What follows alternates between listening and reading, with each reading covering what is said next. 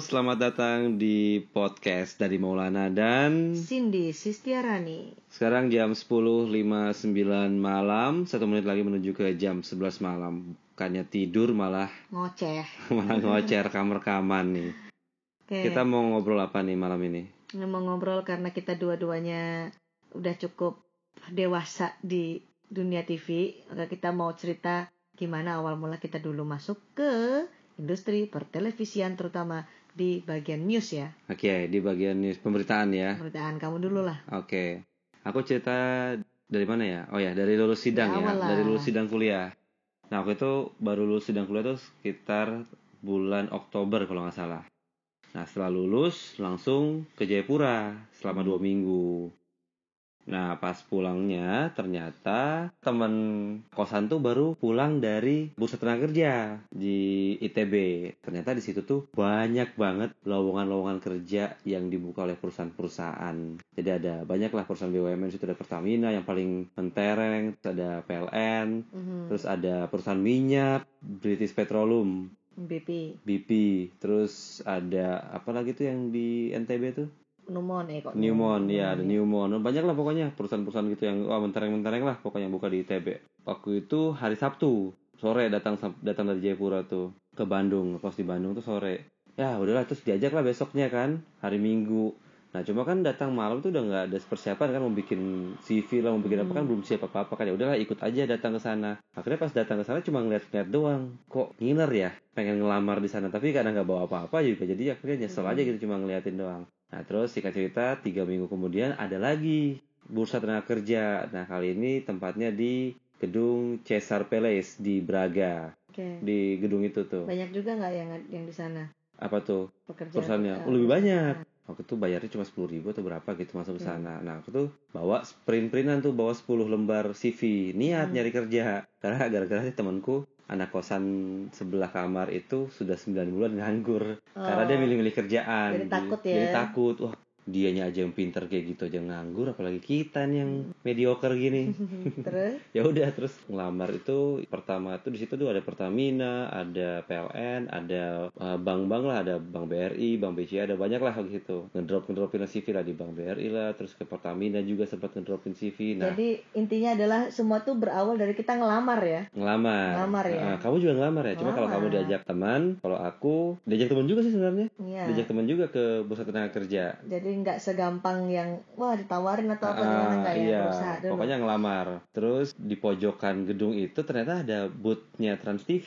Karena waktu itu 2007 tuh pertengahan 2007 kalau nggak salah Trans TV itu lagi ah, baru selesai mecahin rekor Oke. rekrutmen yang di GBK itu kan Heeh. rekrutmen besar-besaran. Nah ternyata di bulan di akhir tahun 2007 tuh dia rekrutmen lagi. Oh, Tuh, nah udah di situ tuh banyak tuh lowongannya ada reporter, ada kameramen, ada Hmm. editor, ada apa. Nah itu di, di situ dijelaskan juga reporter tugasnya nanti kayak gimana, Oke. eh, kameramen tugasnya gimana, editor tugasnya gimana. Nah kamu ngincer apa tuh? aku ngincernya langsung editor Kenapa? karena kan aku backgroundnya IT, anak Apa hubungannya? anak IT itu kan suka ngoprek komputer dan software-software baru kan. Oke. Ya mau asli mau bajakan, seringnya sih bajakan ya, karena nggak mampu beli yang asli. Nah Heeh. intinya adalah karena sering ngoprek software kalau nge-edit itu kan nggak jauh-jauh dari komputer. Ya Hmm. meskipun nggak ngerti prinsip editing video kayak gimana tapi, karena sedang ngoprek software kan ya cepatlah dipelajari Oke, gitu lah Editor berarti ya. editor gitu. Nah taruhlah CV di situ. Nah yang nerima itu HRD itu lupa namanya. Sama dia ditawarin mas kalian aja deh itu tes cam. Tes cam apaan mas? Itu kamu coba masukin lowongan sebagai reporter. Di situ kan itu tuh ada ada kayak studio mini gitu kan kecil gitu untuk tes cam ada kameranya juga. Sebentar, kamu kan mau ngelamar jadi editor. Heeh. Kenapa terus tiba-tiba disuruh tes cam? Apa di, diarahkan juga maksudnya? Coba ini deh, Iya, sekalian iya, gitu. diarahin sama- Ah, suruh nyoba ya. diarahin di- disuruh nyoba dan kegeeran sih karena ada kamera kan Hmm, wah dia kayaknya orang terpilih kayaknya nih kalau disuruh Oke. ngomong kamera Terus? kegeeran dan akhirnya udah terus suruh ngomong apa ya terus ngeliatin orang aja kok orang Hmm. bisa lancar gitu terus aku juga bingung mau ngomong apa aku lupa ngomongin apa kalau nggak salah sih ngomongin Resep rendang dan cara memasaknya enggak. masak aja Boleh nggak ya? Boleh nggak ya kalau live report tapi kita nggak ngerti apa-apa resep aja yang kita tahu. terus ngomongin kalau nggak salah ngomongin suasana di situ deh udah terus selesai terus dibilang sama mas oke mas nanti tunggu panggilan ya. Dah tunggu panggilan. Pulang itu sore kalau nggak salah. Karena udah oh udahlah masukin Trans TV masukin ke BRI masukin Pertamina udah cukup lah. Ada berapa? Pokoknya aku ngedropin hampir 10 lembar habis semua. Pulang gak bawa apa-apa. Ngeri. Agresif lah ya pokoknya. Lebar jaring. Tampar jaring. Nah, terus ternyata sore itu di SMS oleh BRI. Nanti besok hari waktu itu hari apa ya? Lupa. Pokoknya pertengahan minggu. Besok tes psikotes di gedung ini gitu. Mm-mm. Nah, terus Trans TV juga SMS disuruh psikotes juga, cuman jamnya itu jam 10. Nah, sementara Bang Beri itu jam 8. Ya udah, gedungnya tuh sebelah-sebelahan. Akhirnya ya udah, datanglah eh, ikut dulu psikotes pertama di Bang BRI BRI pagi tuh. Pagi jam 8 pagi. Oh ngantuk banget. Terus psikotes pertama di situ baru pertama kali ikut psikotes kerja langsung kepala tuh kram otak dong. Pening panas banget kepala karena ngebul dong. karena psikotesnya bukan cuma tentang kreativitas tapi juga hitung-hitungan. Karena kan bank ya Heeh. lebih ke ketelitian angka. Matematikamu pun parah.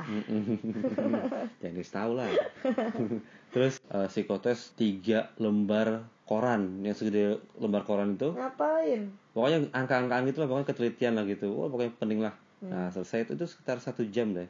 Selesai itu jam 9 atau setengah sepuluhan akhirnya aku langsung nyebrang ke gedung sebelahnya persis Hmm. sebelah sebelahan gedung. Nah di situ tuh udah rame tuh orang Hmm. yang dipanggil untuk tes psikotes juga di Trans TV kan. Udah rame tuh orang ngantri. Udahlah aku ikutan gitu. Aku nanya ntar mulai jam berapa? Sekitar jam 10-an ya udah aku register ulang udah. Nah psikotesnya itu lebih ringan jauh lebih ringan. Cuma kreativitas lah kayak kamu tuh apalah gitu. Terus nanti coba apa lengkapi gambar berikut kayak gitu gitulah pokoknya terus selesai jam 12-an makan siang eh, orang yang aku kenal waktu tes BRI itu kan ikutan Trans TV juga. Terus dia oh, bilang oke.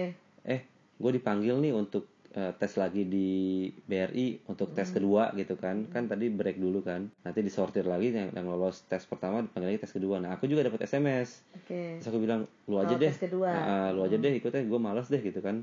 Karena udah ngarep banget ke, ke Trans TV Iya. karena pengen kerja di Jakarta kan. Karena kalau kata teman kalau kerja di Jakarta itu karirnya lebih bagus dibandingkan kalau kerja di Bandung ya udah ada peluang di Jakarta pengen kan? Dah akhirnya setelah psikotes jam 2 itu kita disuruh pulang. Hmm, nanti tunggu pengumuman di besoknya besok sore jam 4 oke. Akhirnya besok sore itu eh, balik lagi ke situ. Ternyata namaku ada di pengumuman gitu ditempel di jendela. Wih terus dipanggil nanti hari kalau nggak salah seminggu kemudian. Mm-mm. dapat SMS lagi nanti hari Senin jam 8 pagi datang ke Jakarta. Wih. Ke gedung TV. Trans TV di Jalan Kapten Pier Tandean. Alhamdulillah akhirnya Oh, anak seneng. desa ke Jakarta.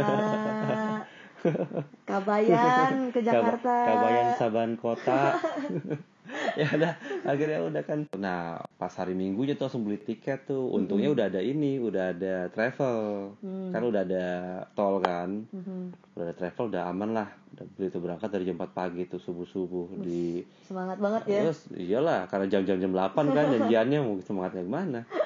Nah sampai di sana turun di turunnya juga turun di pinggir jalan keluar keluar tol Ya masa di tengah jalan ah. turunnya. keluar pintu tol langsung turun karena kan Hmm. di itu tuh di jembatan penyeberangan Depnaker. Hmm. Nah, Gatot Subroto ya. Iya Gatot Subroto. Nah, langsung jalan kaki ke Trans TV. Udah tuh nah. Culun nggak? Culun nggak waktu itu? Oh, pakai keme pakai celana jeans sih tapi eh celana, Celana kain dong. Celana kain atau celana jeans lupa. Tapi pasti pakai eh, baju kemeja tapi nggak pakai dasi. Kemeja oke. kotak-kotak. Hmm. Standar anak kuliahan kemeja kotak-kotak. Terus diingetin kalau harus bawa koran, baca-baca Hmm. dulu. Ah, dulu tuh di Trans TV tuh banyak banyak PKL tahun 2007. Hmm. Banyak PKL, bisa sarapan dulu, terus ada juga loper koran. Sekarang PKL ke mana ya? Gak tahu, udah Jualan di Shopee kali ya? nah, terus? apa namanya? Ada loper koran, udah beli koran dulu kan, udah makan, beli koran, terus naik naik ke lantai 3A. Mm-mm. Nah, di 3A ini udah banyak tuh, udah rame tuh eh, apa kandidat-kandidat yang sama lah untuk reporter. Di situ kita akan dites oleh user. User adalah Nah, user tuh adalah calon bos kita atau calon orang yang akan menggunakan jasa kita di kantor itu. Jadi maksudnya kok menggunakan jasa kita? jadi kan kita jadi kan kita kan sebagai karyawan sebagai seorang reporter kan Hmm. nah atasan kita itu adalah produser ada kepala departemen ada eksekutif produser juga gitu nah Hmm. mereka itu adalah user Mhm. yang nanti akan langsung berkomunikasi dengan kita ketika bekerja. Mm. gitu. Nah waktu di tes pertama tes kedua kan yang ngetes HR di tes ketiga ini gilirannya user sama tesnya tes cam juga. Tegang sih karena di dalam ruangan gitu dipanggil bertiga bertiga tiga orang tiga orang. Nah di dalam itu sudah ada satu orang tuh ngadepin tiga orang Mm-mm. jadi ada satu user satu eksekutif produser satu produser dan ditemani oleh HRD Mm-mm. Nah disuruh PTC di situ live report. Coba kamu live report apa yang kamu ketahui tentang kondisi Indonesia saat ini. berat ya Bo Berat pertanyaannya banget, langsung kayak gitu kayak. terus jelasnya apa cuaca Ya udah, coba aku bilang yang apa yang kamu ketahui tentang kondisi Indonesia saat ini. Terus aku ingat-ingat yang tadi aku baca headline Kompas apa. Udah aku cerita gitu bla bla bla bla bla gitu. Wow, belepotan merinding banget kan. uh disco nggak? Terus? Ya udah akhirnya oke terus ngobrol-ngobrol ditanya kenapa ngelamar? Ya karena pengen kerja di Jakarta aku bilang gitu. Jawabannya gitu cupu standar, ya cupu, banget lah. Terus? Terus tapi nggak ada pertanyaan-pertanyaan yang kamu menjebak, menjebak gitu nggak? Standar aja tanya standar. Udah selesai udah selesai akhirnya pulang. Nah pulang penuh drama juga karena kan aku baru pertama kali ke Jakarta. Kaget ya lihat Monas. Lihat jembatan layang. Pokoknya Jakarta rumit lah. Oh, udah akhirnya mau pulang ke arah Pancoran ke travel malah nyasar diturunin di pasar Minggu sama Metro Mini. Emang kurang ajar tuh Metro Mini emang. mana orangnya? Udah cari sekarang. Udah udah jadi barang rongsokan kalau Metro Mini. Kualat sama penumpang. kenapa? Kenapa nyasar? Iya kan harusnya harusnya itu kan aku kan ini alamat ini karena deg-degan habis habis interview terus mau pulang jadi kehilangan arah gitu nggak enggak Enggak. enggak jadi jadi beres-beres interview itu jam setengah 12 Oh. ingat tuh jam setengah 12 siang kan nah travel itu adanya jam setengah lima atau jam 5 gitu Hmm. Nah, aku kan pengen langsung aja ke travelnya gitu kan. Terus tanya lah ke apa security yang ada di dalam gedung 3A katanya kan alamatnya itu kan Jalan Raya Pasar Minggu dalam kurung Pancoran. ya Aku tanya ke security, "Pak, kalau ke Pasar Minggu mana?" Ditunjukin lah ke arah kanan. Kalau tanda itu ke kanan itu ke arah Warung Buncit, lurus jauh sampai banget ke Jaten, belokin ke kiri langsung ke Pasar Minggu kan. Hmm. Terminal Pasar Minggu. Nah, sebentar si Manhal ini melihat tulisannya Manhal ini siapa Oh nih? iya, ini temanku kenalan pertamaku di Jakarta, Oh, sesama oke. kandidat reporter lah. Manhal tuh ngeliat alamatnya ini Jalan Raya Pancoran. Pancoran mah di sini, sisi kanan. Nah, dia tuh nunjukinnya ke arah Gatsu. Hmm. Nanti putar balik di perempatan Kuningan eh, Mampang, putar balik nanti ketemu Pancoran belok kanan. Nah, si kan Manhal. kata si Manhal. Cuma kan aku juga baru kenal dia kan di situ. Mhm. Terus aku lebih percaya sama orang yang berseragam lah, bapak-bapak security di situ karena Manhal bu- belum berseragam Trans TV Nah, ya iya. Karena menurutku orang yang berseragam berarti kan orang yang selalu di situ setiap hari kan pasti ngerti ya alamat-alamat sekitar sini. Ya udah aku lah naik lah padahal dia lagi karnaval pakai seragam Hmm, langsung lah naik Metro Mini nomor 62. Oh, jalan terus. Eh 62 apa 6, 640 kalau nggak salah. Hmm. Pokoknya gitulah. Kok nggak nyampe-nyampe udah dua jam lebih. Eh diturunin di pasar Minggu. Terus aku nanya, "Pak, kalau ke Pacoran mana? Pacoran naik lagi mas, lanjut lagi naik metro mini yang lain lagi kurang ajar. Akhirnya aku dengan muka culun asal Bandung bawa tas lewatin pasar Minggu, waduh Jadi- kenapa tuh belagak soan orang lokal, hmm. tapi gerak geriknya makin makin makin katro makin katro, makin jadi inceran preman di situ. Untung masih terang beneran loh siang loh jam 2 siang kalau nggak salah waktu itu. Tasnya dipeluk kan, gue peluk tas sambil langsung masuk metro mini. Hmm, keringetan gitu. Iya keringetan. Metro Mini 640 Aku naik pak. Ini yang ke arah sini Ke arah Pancoran. Iya oh, udah naik lah Ngetemnya lama lagi. Akhirnya jam setengah, setengah tiga Baru gerak tuh. Gerak sampai ke Akhirnya ke sampai ke alamat tujuan tuh Sekitar jam Satu jam. Heeh. Karena nggak berhenti jalannya kan lama kan Kayak keong tuh kan. Mana macet lagi tuh Pancoran. Eh apa pasar minggu ke Pancoran itu kan. Di Kalibata itu tuh macet banget tuh. Terus sampai di sana pas aku sampai masih buka tuh jam 4an pas nanya eh, yang jam 5 masih ada nggak? Ternyata sudah habis slot bangkunya. Dan dau. yang jam 7 ada nggak? Gitu kan nanya kan. Waiting list. Nah gimana mau pulang? Coba. Kan resiko ya kalau waiting list ya. Kalau kita udah nunggu terus tahu-tahu orang yang jadinya ada Iya. kan nginep udah di Jakarta nginep Dari dulu. masjid deh. cari masjid deh Terus? Oh, ya udah akhirnya mau nggak mau udahlah pilihan terakhir ke Gambir ada kereta tuh zaman dulu kan nggak ada nggak ada ini kan nggak ada traveloka apa Iya. tiket.com kan Aduh kita hidup zaman ya iya ampun berapa? 2007 12 tahun yang lalu. Untung tahu tuh jadwalnya tuh. Ada tuh yang jam 7. Akhirnya naik lagi tuh Metro Mini kurang ajar tuh 640. Naik Metro Mini satu kali naik tapi turunnya tuh di Monas. Wis, alhamdulillah Nah. kebayang sampai Monas. Iya, sampai Monas sampai Gambir alhamdulillah dong ada Mm-mm. yang jam 7. Wih, Udah. berdiri. Enggak, duduk. Oke. akhirnya udah sampailah Bandung nah terus tinggal nunggu nih nah kalau kata orang HR kemarin tuh setelah tes ketiga nanti tunggu dua mingguan nanti dihubungin nah pas sudah dua minggu tank temanku si Manhal itu SMS Mhm. pagi-pagi Temen dan yang ketemu waktu interview Ah. ya. dan udah di SMS belum belum eh udah ditelepon belum? Belum. Kenapa emang? Si ini udah ditelepon. Nah ternyata dia tuh udah udah kenal kenal sama orang-orang yang ada di situ kan. Oke. karena dia datang lebih dulu lah di situ. Belum. Ya udah lu udah belum? Belum gitu. Ya udah. Nah jam sebelasan dia aku nanya lagi ke dia udah eh ah lu telepon belum? Mm-mm. belum. Tapi si ini udah. Ini orang yang lain lagi.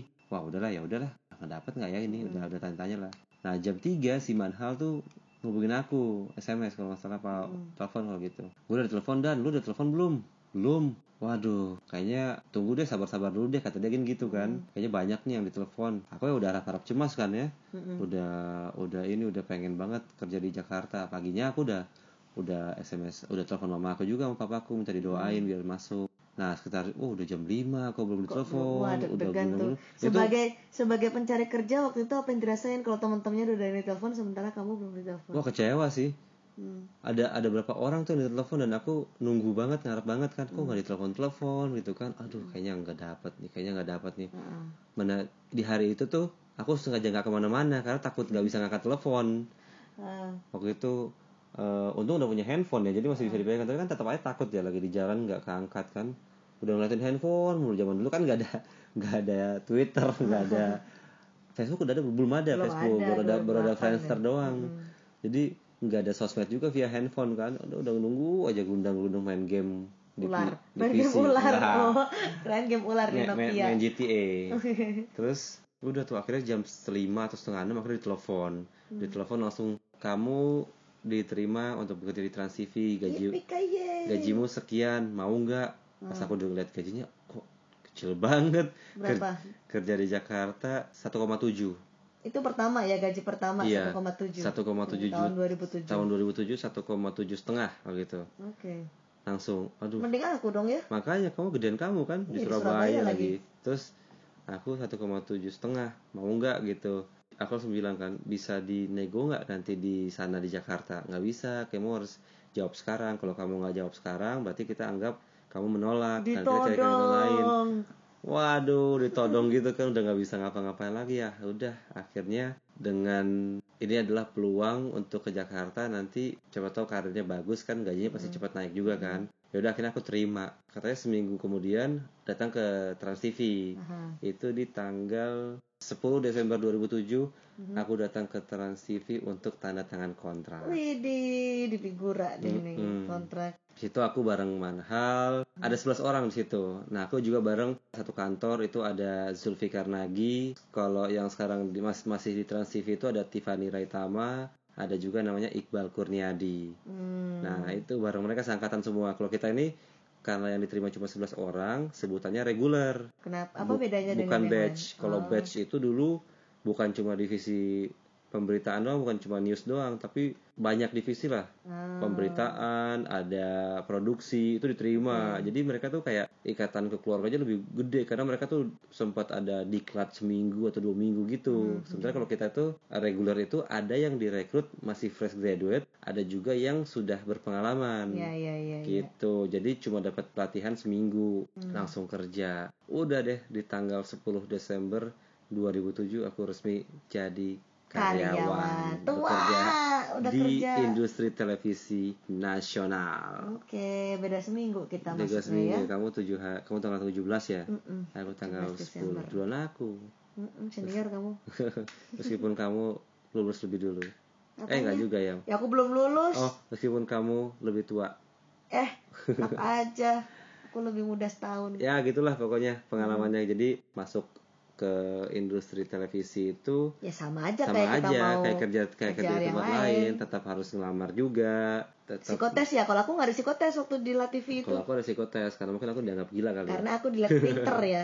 Ah, udah yakin dah ini IQ tinggi dah 300 gitu. sok banget ya, pokoknya intinya gitulah jadi kalau masuk ke TV sama kayak ke perusahaan-perusahaan lain harus Mhm. ngelamar kerja juga ngelam, apa lampirin CV Mhm. atau ikut pusat tenaga kerja atau nanti kalau zaman sekarang ada job street ada job Mhm. DB ada LinkedIn bisa lah banyak lah eh, caranya untuk bisa kerja di TV gitu dan ternyata kamu backgroundnya apa pendidikannya Eh, sarjana marketing sarjana marketing kalau aku sarjana informasi atau uh, D3 nya itu manajemen informatika komputer lah pokoknya nah itu tetap bisa kerja di uh, divisi pemberitaan di TV sebagai reporter.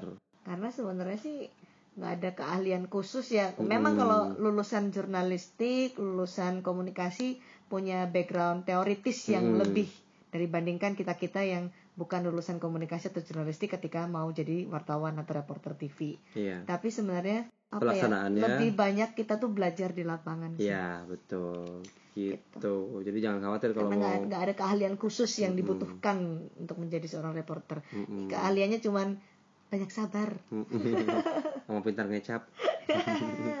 Ya udah gitu aja ya sharing-sharingnya nanti kita lanjut lagi di episode berikutnya. Selamat Tidur, malam. tidur. tidur tidur. Udah jam segini udah jam berapa sekarang? Udah jam udah jam 12 oke selamat malam. Bye. Night Dah. night